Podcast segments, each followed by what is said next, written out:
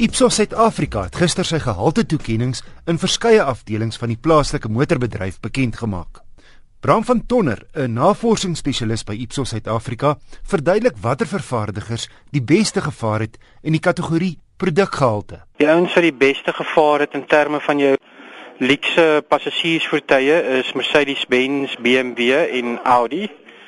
Uh, Mercedes-Benz het gemiddeld uh, 20 probleme per 100 voertuie gevolg met BMW wat 23 probleme het en Audi met 27.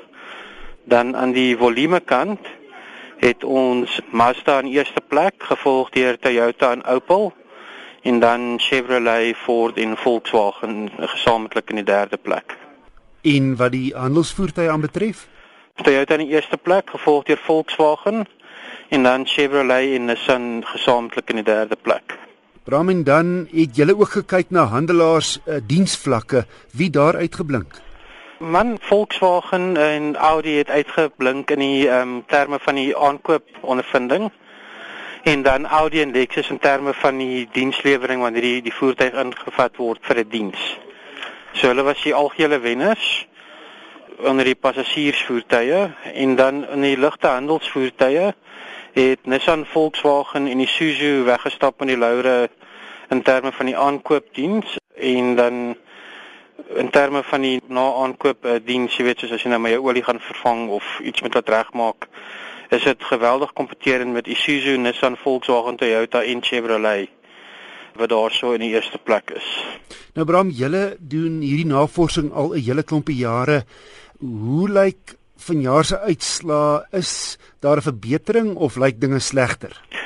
Produkgehalte en uh, diensgehalte van die handelaars af het geweldig verbeter oor die afgelope 10 jaar. As 'n mens byvoorbeeld kyk na produkgehalte in 2003 het ons gemiddeld ongeveer 140 probleme per 100 voertuie opgetel.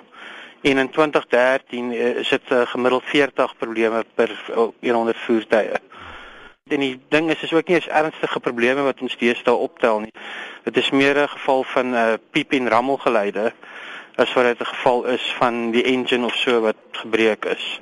Dit is meer gerieflikheidsgoed wat opgetel word deesdae. En dan in terme van die dienste wat mense ontvang by die handelaars, ek kan sien dat dit ook 'n uh, opwaartse trend getoon in terme van die aankoopdienste se uh, jou passasiers voertuie ons het 'n gemiddelde telling gehad van net so onder die 91% uit 'n moontlike 100 uit in 2003, maar in 2013 is dit so net onderkant 94%. En dan vir ligte handelsvoertuie wat die aankoop ondervinding betref, het hulle ook verbeter van so net onder die 90% af na so net bo kan die 92%. En dan in terme van die naverkoopsdiens het dit ook verbeter van so om en by die 80% vlak in 2003 tot so net oor kan die 86% vlak in 2013. Dis uh, verblywend uh, dat uh, dinge nie verbeter is. Skryf julle dit toe aan die geweldige mededinging wat daar is uh, met die verkoop van nuwe voertuie? Ja, ek dink dit dit is een van die faktore wat daartoe bydra. Jy weet natuurlik die publiek raak al meer ingelig en hulle is bewus daarvan wat word gesien as 'n goeie voertuig en wie gee goeie diens en ja. en wie nie en dit natuurlik het 'n groot invloed op verkope.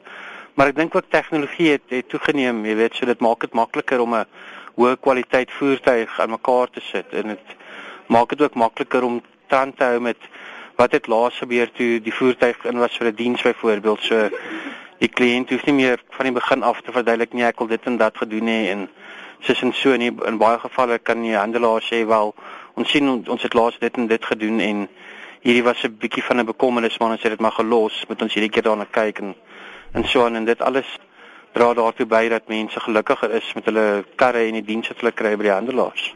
Verduidelik miskien net vir ons kortliks hoe Ipsos eh, te werk gaan met uh, hierdie navorsing. Ons kry rekords van die motorvervaardigers af nadat kliënte karre aangekoop het en nadat hulle dit gediens het. Van al die mense wat dit gedoen het. So 10 tot 35 dae nadat die kar aangekoop is vir die eerste keer, bel ons die mense en vra vir hulle oor hulle aankoop ondervinding. En dan weer eens uh, na so 3 maande bel ons ook mense en ons vra vir hulle nou dat jy die karre rukkie gehad het, het enige probleme opgetel en net ons het verskeie vrae wat ons vra om te kyk waar probleme was. En dan natuurlik weer nadat met die kar een of ander tyd weer ingaan vir 'n die diens en dan bel ons die mense so 10 tot 35 dae na die diens om te hoor hoe was die ondervinding en of daar enige probleme was wat hulle opgetel het vir verband met die diens van die kar. So ons doen omtrent so 35000 onderhoude met kareienaars oor 'n jaar.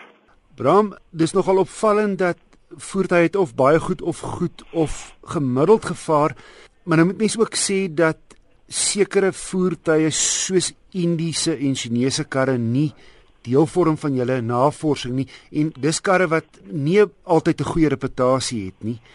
Ja, ek ek hoor wat jy sê. Ons het wel in gedagte hou dat ons ehm um, 12 motorvaardigers het wat deelneem aan die studie en hulle verteenwoordig omtrent so 18 handelsmerke. En jy weet hulle verteenwoordig 80% van alle nuwe karre wat verkoop word in Suid-Afrika en dan meer as 86% van alle ligte handelsvoertuie wat verkoop word. So die studie is redelik verteenwoordigend. Ja, daar is van die kleiner handelsmerke van China en Indië en so wat nou nie in die mark is, maar hulle markandeel is nog nie baie groot nie. So ons weet ons kan met redelike sekerheid sê dat die gehalte en die diens in die Suid-Afrikaanse motorbedryf aan die verbeter is. Bram van Tonner, 'n navorsingsspesialis by Ipsos Suid-Afrika. Volgende week kyk ek weer na briewe van luisteraars en twee padtoetse, die opgekikkerde Nissan Patrol bakkie en die nuwe Suzuki SX4 word bekyk.